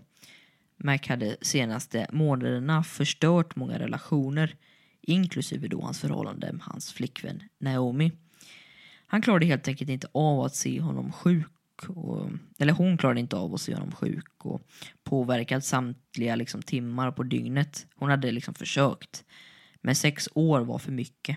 Det fanns liksom ingen hopp om förbättring, sa hon. Funkar det då? Rehab. Eh, när Mac kom ut ur rehabiliteringen för sitt missbruk var han men, helt angelägen om att fortsätta att vara nykter. Mac själv kände att han hade lämnat alla droger och självskadande beteende bakom sig. Hans vänner pratar om hur mycket gladare han verkade och var under perioden efter rehab med. Men det fanns faktiskt en till anledning till att han var glad, ja, men glad oftare. Han hade nämligen fått ja, men regelbundna besök av en vän inne på rehabiliteringscentret. Och då är det en kvinna som han känt några år som börjar komma med ja, men mycket närmare honom under denna perioden. En kvinna som själv var en av de hetaste artisterna på planeten. Och det är såklart Ariana Grande. Eh, kvinnan som tagit hela musikvärlden med storm. Och tillsammans med typ Adele och The Weeknd sålt flest skivor under 2015 och 2016. Om ni minns pratade vi om hur de var vänner under 2013 och spelade in Ariana Grandes första singel tillsammans. Och ursäkta övergången nu, eh, men nu var varken Mac eller Ariana singlar, för de blev ett par. Eh, ett vanligt, äh, men ett väldigt publikt par. Och även fast Mac arbetat på albumet som skulle heta The Divine Feminine och handla om kärlek så lämnade relationen med Ariana ett stort avtryck på just det albumet ändå. Faktum är att från och med nu skulle Ariana jag säger hennes namn olika varje gång, jag ber om ursäkt för det. Men Ariana har ett avtryck på all musik som Mac Miller släppte. Så fundamentalt var detta förhållandet för båda parterna. Och jag tycker inte de som pratar om Mac Miller poängterar det nog. Speciellt eftersom Mac uttalat ja, men ville skifta sitt drogrefererande till sånger om kärlek endast. Där The Divine Feminine är ett album som verkligen eleverade Mac musikaliskt. Eh, främst eftersom det inte verkar som en mixtape eller ihopsättning av projekt som höll, ja, men, han höll på med under denna tiden utan ett faktiskt vältänkt och genomarbetat album. Man behöver inte komma långt in för att se den nya förändringen. Bara första låten, Congratulations, använder sig av riktiga instrument, lugnt och kärleksfull ton och men generellt mer familjär känsla. Rent melodiskt är han också bäst någonsin här. Min favoritlåt finns också lite längre ner på albumet. Och det är såklart, eller såklart, men det är alltså låten My Favorite Part i samarbete med Ariana Grande då. Och den här, den hade en unik uppkomst kan man säga. Det var Tyrone eh, Musicman Ty Johnson, eh, för er som vet, som låg bakom skapandet av låtens beat. Efter att Mac inte hade känt för med de ursprungliga beatsen som skickas till honom grävde Music Mind Thai i sina arkiv och fann ett nästan tio år gammalt beat som Malcolm genast föll för. Trots att originalversionen bestod av livemusik tog det en vecka av ihärdigt arbete för att återskapa det från grunden. Det var en utmaning för Tyrone att matcha de ursprung, ja, men ursprungliga känslorna av ljudet med det mer med sitt musikaliska öra och hängivenhet lyckades han ändå skapa något som Malcolm älskade.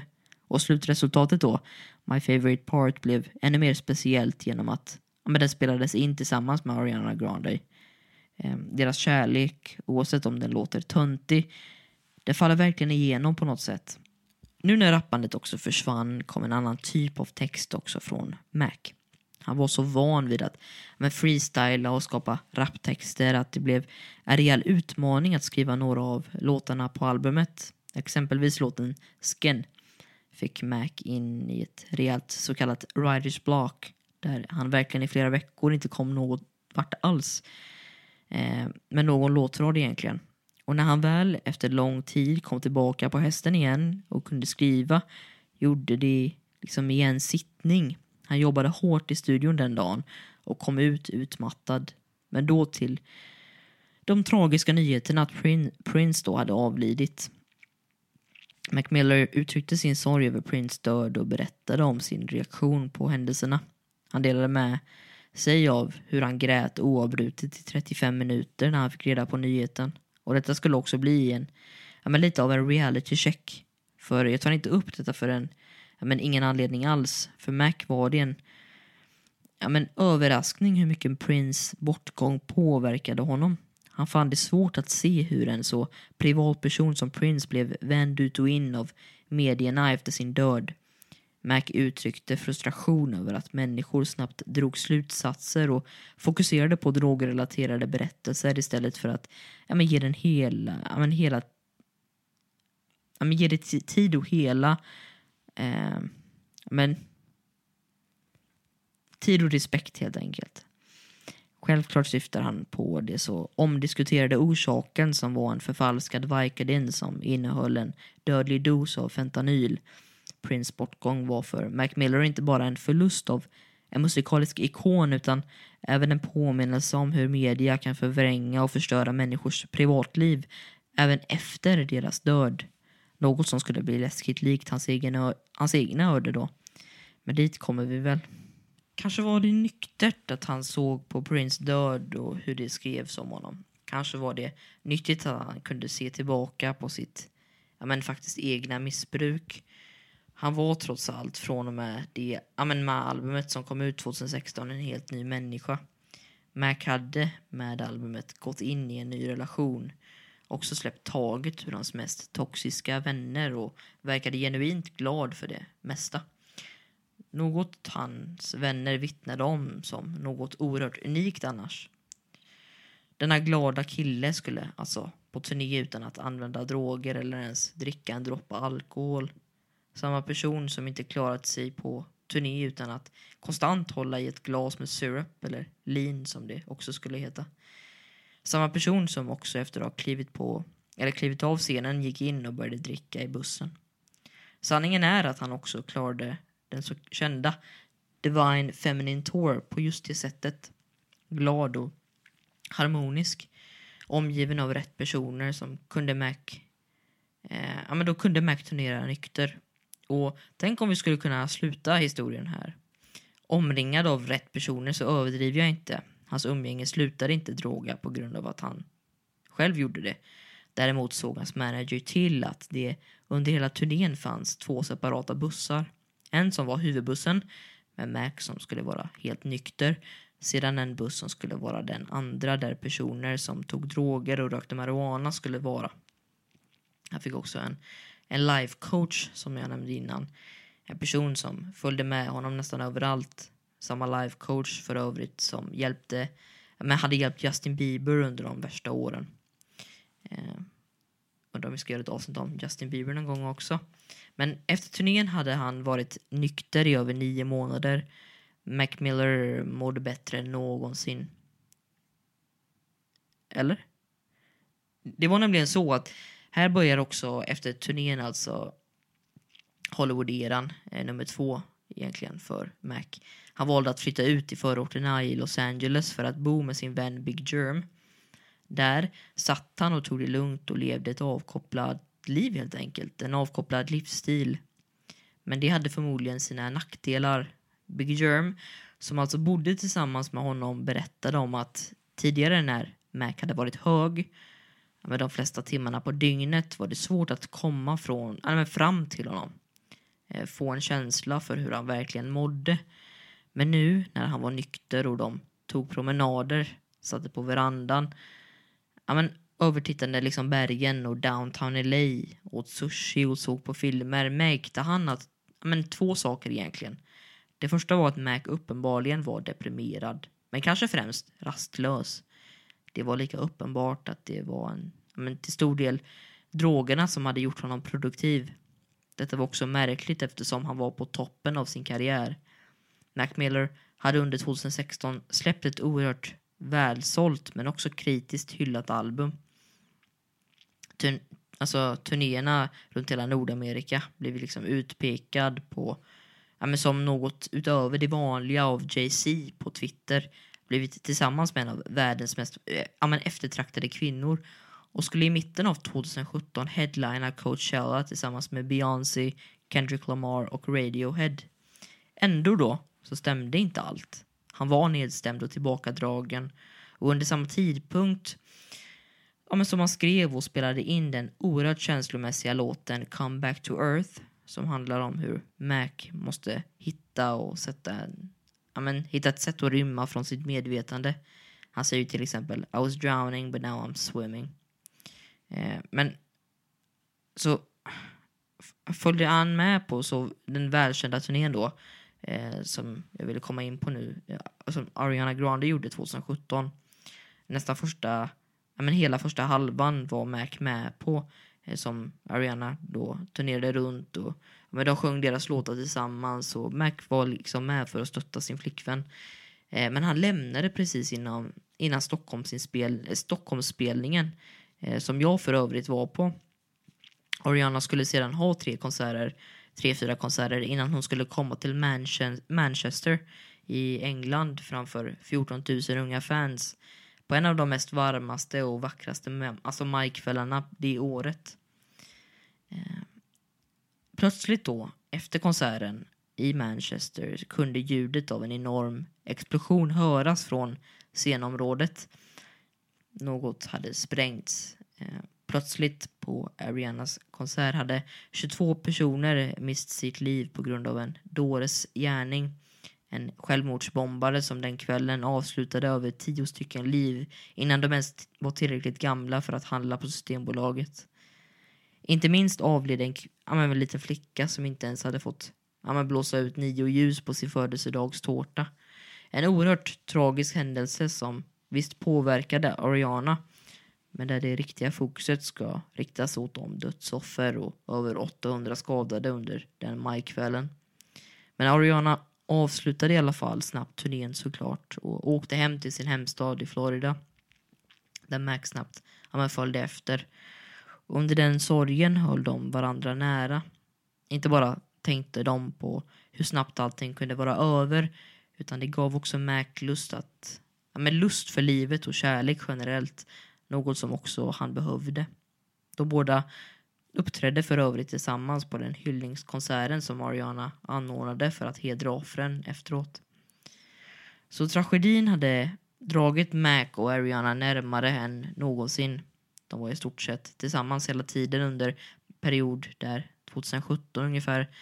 Men ganska snabbt hände något i Macs beteende. Och Ariana fick ofta ja, men leta reda på Mac på olika sätt. Ringa hans föräldrar för att lokalisera honom. Eh, när hon blev ignorerad eller när alla bara hade, ja, när han bara kunde försvinna helt enkelt. Mac kunde nämligen bara försvinna några dagar utan att berätta det i förväg. Något som var en tämligen märklig, ja, men tämligen märklig beteende nästkommande veckorna skulle bara vara märkligare egentligen. Eh, Big Germ började se tendenser i Max beteende som antydde att han hade tagit någon form av preparat men kunde ju aldrig se honom ta drogerna. Det var bara en förvarning. Det som skulle följa var, ja men det vet nog många, i alla fall Mac-fans.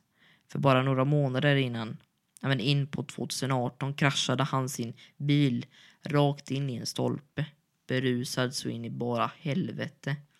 Pittsburgh rapper Mac Miller has reportedly been arrested in connection with the DUI crash in California. According to TMZ, the incident happened around 1 in the morning Thursday in the San Fernando Valley. Miller allegedly crashed into a pole, causing it to fall over, and fled the scene on foot with two other individuals. Police caught up with Miller at his home after running his license plate. TMZ reported that he was nice and friendly and confessed to the crime. Matt Uris för KDKA News. Efter att Mac hade kört in i en stolpe i LA under natten till den 17 maj rymde han scenen. Ehm, han var förmodligen livrädd för vad pressen, men inte minst de som älskade honom, skulle säga.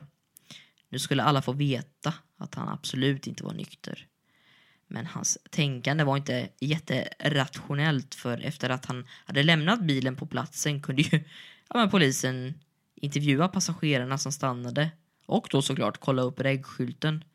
Det tog inte många minuter innan polisen knackade på Mac Millers bostad. Han var fortfarande oerhört berusad. Är det nu Ariana Grande får massa skuld för den här kraschen? Ja, precis. Du kan din Ariana-historia, Karin. Absolut. Ja, eftersom det hade bara ja, men gått några dagar sedan hon publikt gick ut med att de hade gjort slut. Eh, Ariana hade ju på ett ja, men respektfullt sätt berättat för sina följare på Instagram. Eh, men tror jag att det var liksom att det var över. Eh, ändå kritiserade hon, kritiserades hon som du säger Karin av många för att ja, men lämna en så sårbar person. Vissa skrev också att hon indirekt skapade olyckan. Eh, men faktum var att Ariana var den person som under många månader lyckats hålla Mac borta från missbruk. Eh, Ja men det visste ju de som var närmast såklart. Men hon klarade helt enkelt inte av att hålla honom eller vara hans citat barnvakt längre, som hon brukade säga. Eh, Mac Miller var 25 år och var tillbaka i det missbruk han hade varit i sedan sina tonår. Nu i intervjuer pratar han istället om frälsningen och eller istället för frälsningen och nykterheten öppet då om hur skönt det var att vara tillbaka. Om hur han ägnade lång tid åt att vara nykter men nu skulle övergå till att leva helt vanligt igen. Slutcitat. Inte ens ett år hade gått när han tog sin första, ja men innan han tog sin första whiskypinne igen och det kunde he, man helt enkelt inte stoppa honom från. Och här har ja men här är vi ju nu i alla fall. Alltså Mac betalar alltså ut sig själv från arresten för 150 000 svenska riksdaler. Eller 180 000 då, justerat till inflation. Och ja, bara det är sjukt, jag får ångest bara jag hör det. Och hur, alltså detta var alltså 2017. Eh, och har ingen ånger då. Inte en sekund ska han ha pratat om att han riskerade livet på hans medpassagerare eller de han mötte på gatan, eh, som alla var nära döden. Han romantiserade nästan kraschen som något häftigt, något han hade kontroll över.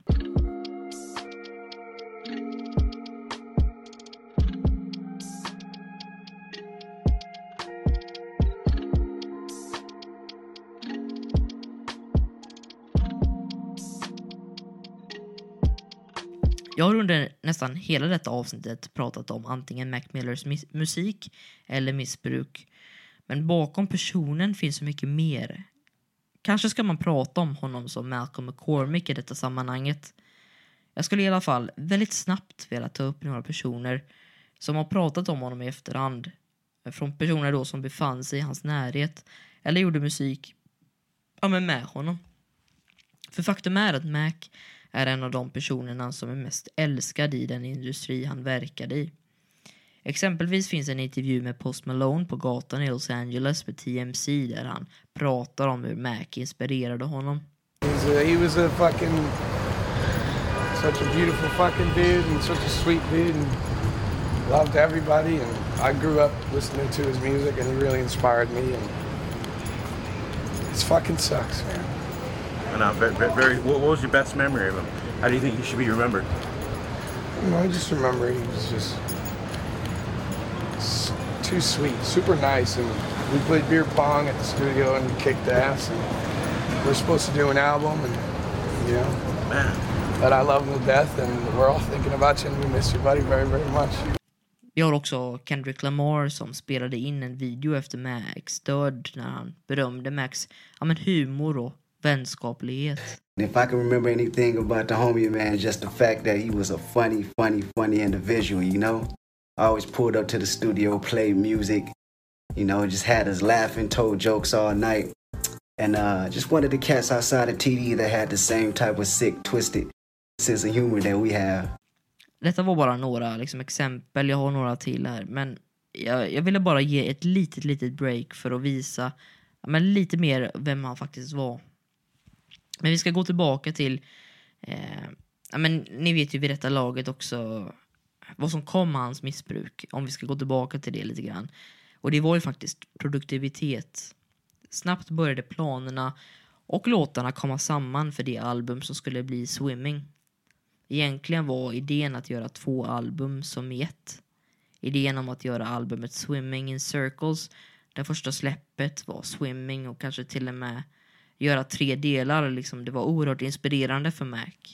Eh, det låter kanske diffust men vid denna tiden var han också tillbaka på samma drogintag som förut. Han kunde spendera 100 000, jag tror det var hundratusen kronor på kokain i, på en månad. Och första augusti skulle Mac göra den mest sedda NPR Tiny Desk-konserten någonsin Men genom ett, ett fantastiskt framträdande. Två dagar senare släpptes det album som skulle heta Swimming. Och inte så långt efter skrev The Guardian eh, följande om albumet då. Eh, the Pittsburgh artist went through a breakup with Ariana Grande and was arrested for a drunken car crash. But his troubles results in a wiser, sadder and better album. Och det är exakt så det är faktiskt. Produktionsnivån är oerhört hög. Låtarna är välskrivna och mognare än förut. Låten Come Back to Earth, som vi pratade om, är en av de ja, men bästa enligt mig. Men Small Worlds är förstås en av hans främsta låtar någonsin. Det som är så speciellt med Mac som artist är att man direkt när han spelar låtarna vet precis vem det är som har gjort den. Mac Miller bevisar inte minst med detta albumet att han är egen, singular. Till skillnad från andra artister som är unika så gör inte Mac musik riktigt...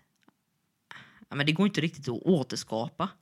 Man kan inte ta hans sound eller göra något, ja, men någon egen låt av just det soundet. Det skulle bara se ut som en dålig kopia. Och jag kan räkna på fingrarna de artisterna som det gäller för. Um, det verkar ju vara en tämligen mogen person här, trots åldern.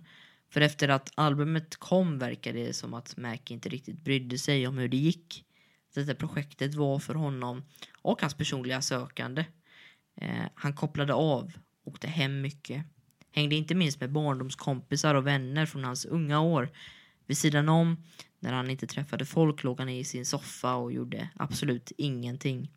Han hade också börjat utöka sin drogrepertoar. Nu tog han i alla fall äh, men, alla slags piller han kunde ta plus kokain.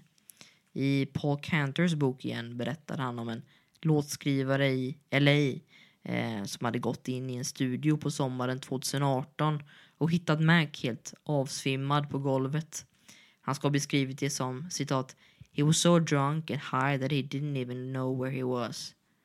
Uh, och citat The guy's a mess. Slutcitat. Det ska han också ha sagt medan han plockade upp honom från golvet. Då.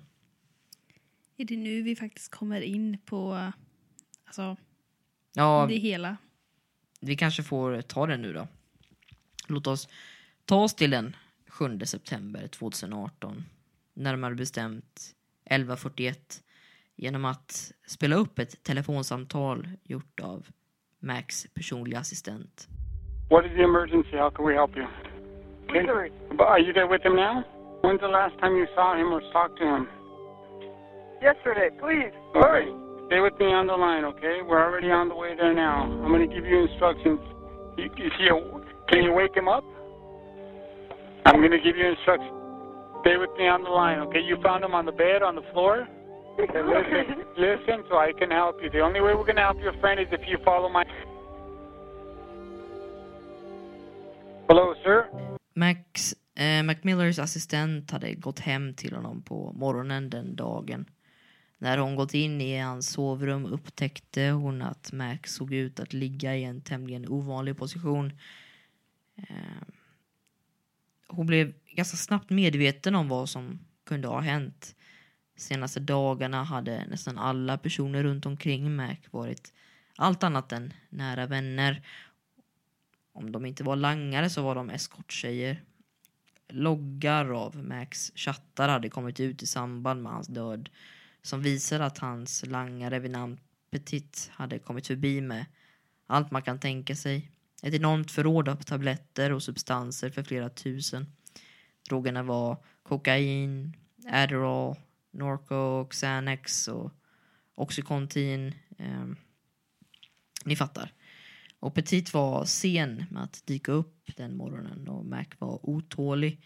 Därför beställde han en annan leverans samtidigt genom ett bud. Ett bud som var en eskort då. Väl när Petit kom fram med beställningen hade Mac alltså dubbelt så många som han inom citat, situationstecken då behövde. Eh, kanske rättare sagt förväntade sig. Eh, allt gick på över 70 000 kronor den dagen. Och bara 30 000 kronor var för eskorttjejen vid namn Kalla Amador. Tillbaka till Macs assistent då. Hon ringer 911 men redan när hon tar upp telefonen är Mac ur livet. Han skulle aldrig få, eller gå och rädda helt enkelt. Han var helt blå i ansiktet och hade vätska som läckte ur munnen. Väl när polisen kom på plats skrev de följande i sin rapport. Inne i hans hemmastudio, en liten påse med ett vitt pulveraktigt ämne, en iPad med linjära vita pulverrester på den, alltså vita linjer då med andra ord, Eh, och en tom flaska alkohol. I Malcolms sovrum fanns en flaska receptbelagd medicin förskriven till honom, en annan tom flaska alkohol och i hans högra hand fick jag en 20 dollar sedel med ett vitt pulverrester på. Eh, och det var slutet på polisrapporten. Den dagen skulle Mac egentligen spela in en musikvideo för att ja, men, sälja in sitt nya album. Istället blev hans ja, men, dödsförklarad helt enkelt. Och det skulle dröja till den 5 november 2018 innan det för, ja, men fastställdes av Los Angeles County Coroners kontor att Mac avled till följd av en oavsiktlig drog, drogöverdos på grund av citat blandad drogtoxicitet av fentanyl, kokain och alkohol. Han begravdes på hemmaplan i sin hemstad Pittsburgh under en judisk ceremoni. Jag kan med säkerhet påstå att det var jobbigt att vara Malcolm McCormick. Den unga mannen som redan vid 13 års ålder började ja, men, att använda droger. Mannen som fastnade i missbruk som ung vuxen och som kämpade med att göra sig förstådd inom musik då. Men med det tycker jag att han lyckades. Alltså Macmillan blev inte bara kult utan någon form av mainstream kult. En oerhört populär artist som gjorde precis den musik han ville göra. När alla skämtade om att han gjorde frat rap med töntiga texter, då slutade han inte. Och när frat rap, ja men de fansen sedan började att vända sig mot honom vid senare släpp kunde han inte bry sig mindre. Det fick vara jobbigt. För det var det. Men Mac prioriterade ofta sitt eget konstnärliga uttryck före försäljningssiffror. Något som är tämligen ovanligt i dagens musiklandskap. Vi får vara tacksamma att Mac Miller hade en vilja för ett gränsöverstigande album i slutet eftersom han skrev på alla låtar samtidigt. När han arbetade på sitt sista album Swimming hade han också gjort i princip alla låtar för nästan, ja, men nästa album Circles. Vilket tack vare hans vän och producentkollega John Bryan vi fick ta del av efter hans död. 2020, mitt under corona, släpptes Circles Albumet har ännu en gång många olika känslor och teman med ett övergripande mål lyser igenom starkast från Macs sida. Det är tydligt att ja, men hela meningen med skapandet av albumet är att hitta i alla fall någon mening, någon anledning till varför just han ja, men han behöver handskas med sina inre demoner som Ariana Grande brukade uttrycka det. Bara namnet är enkelt att förstå även för den orutinerade. Han är fast. Han utforskar varför han alltid fastnar i loopen. Eller rättare sagt då, simmar i cirklar. På Circles älskar jag Blue World. En låt som inte bara är en popbanger utan också en låt om man ja, men, om att man är fast i okontroller okontrollerbart självskadande. Och jag tror att vi långt framöver kommer minnas den mannen som gjorde en musik som förmodligen aldrig kommer att återskapas nämligen Mac Miller.